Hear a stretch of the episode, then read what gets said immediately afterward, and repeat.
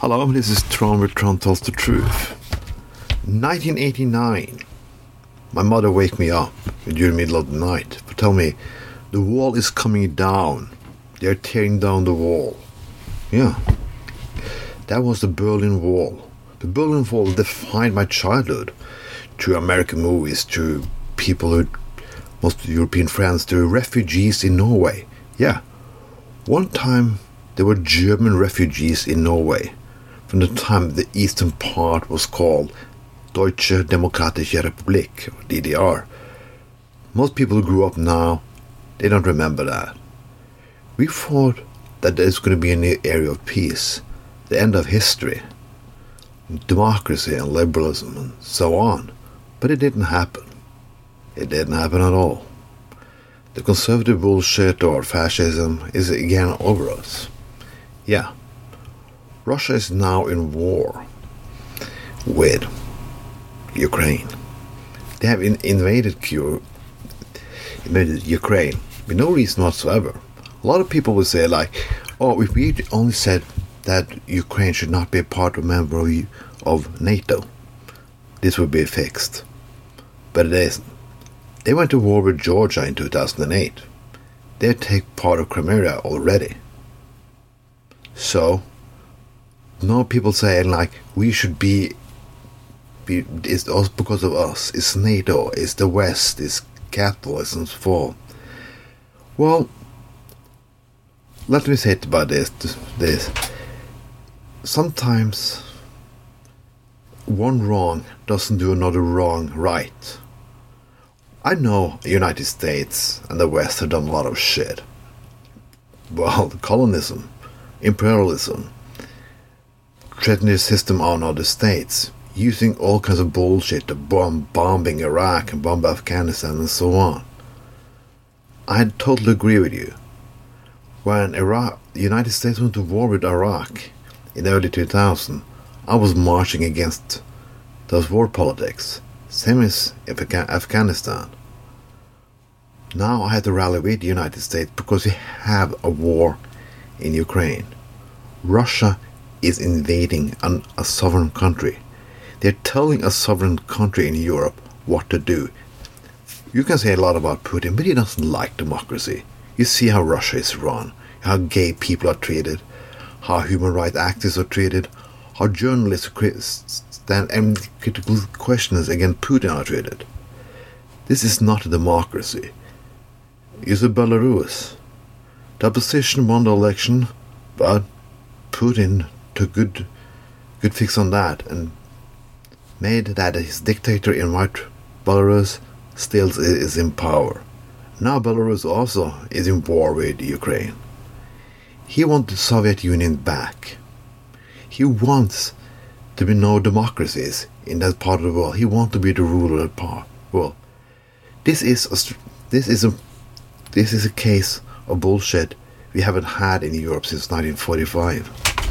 Fought in the time when another country just took other countries beside them in Europe was over, but it isn't. This is not funny, and it's horrible to the people who are suffering. I will not cheer people up to make more wars. But also, a lot of things happened during this war that I think is interesting. The Russian people doesn't like it either. No people in Europe want war back. We have a history with it. Our history is so fucking horrible that you can't even imagine.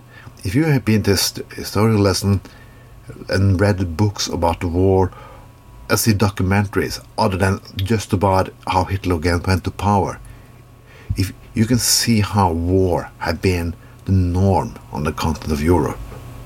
Everyone that's in Europe can have some relation or friends or family back on who've been to war, been damaged by war, or killed for no reason whatsoever. Ever.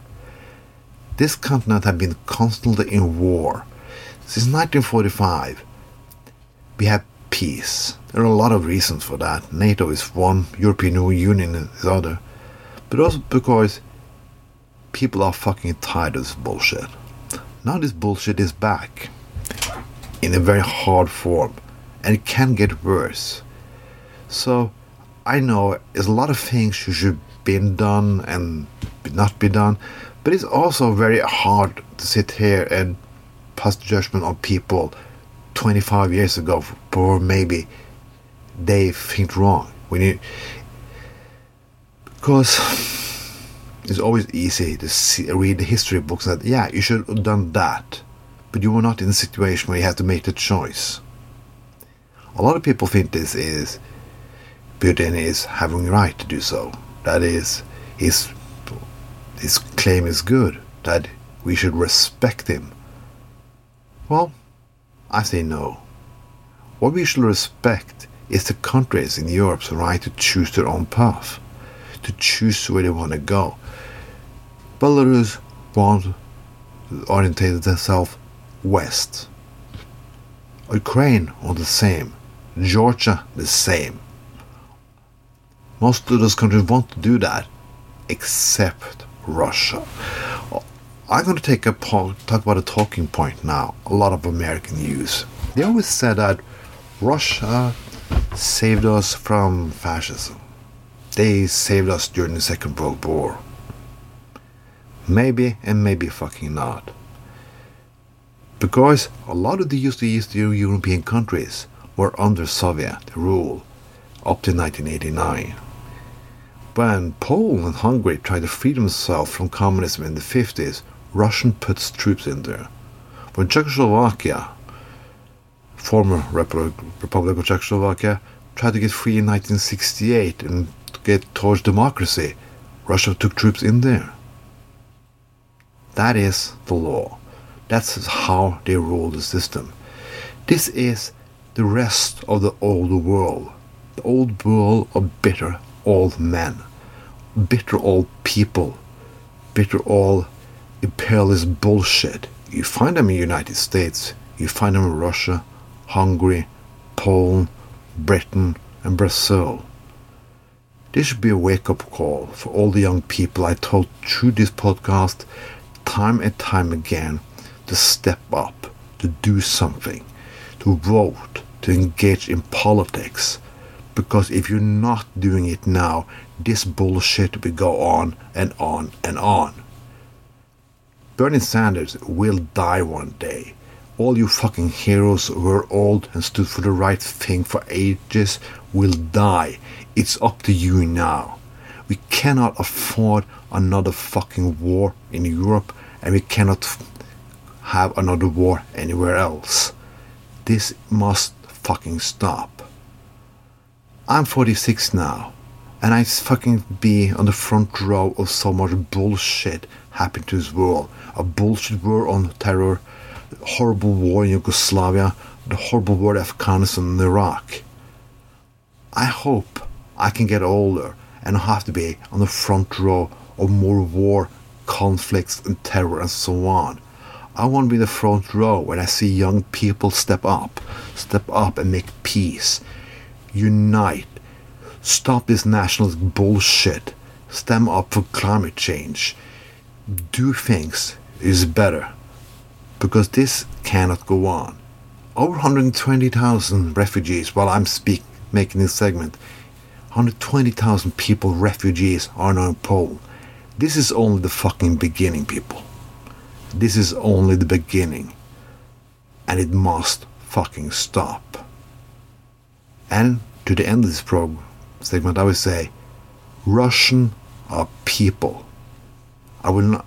If you respect peace and dignity, don't trash the Russian people. This is about Putin and his fucking army. If there live Russians nearby, don't discriminate them. We must build a new world and we must build a new world now because we can't fucking wait. Well, this was Tron with Tron Tells the Truth. This time I was very long, but I'm gonna be back and having a longer next time if things don't stop. Have a nice day.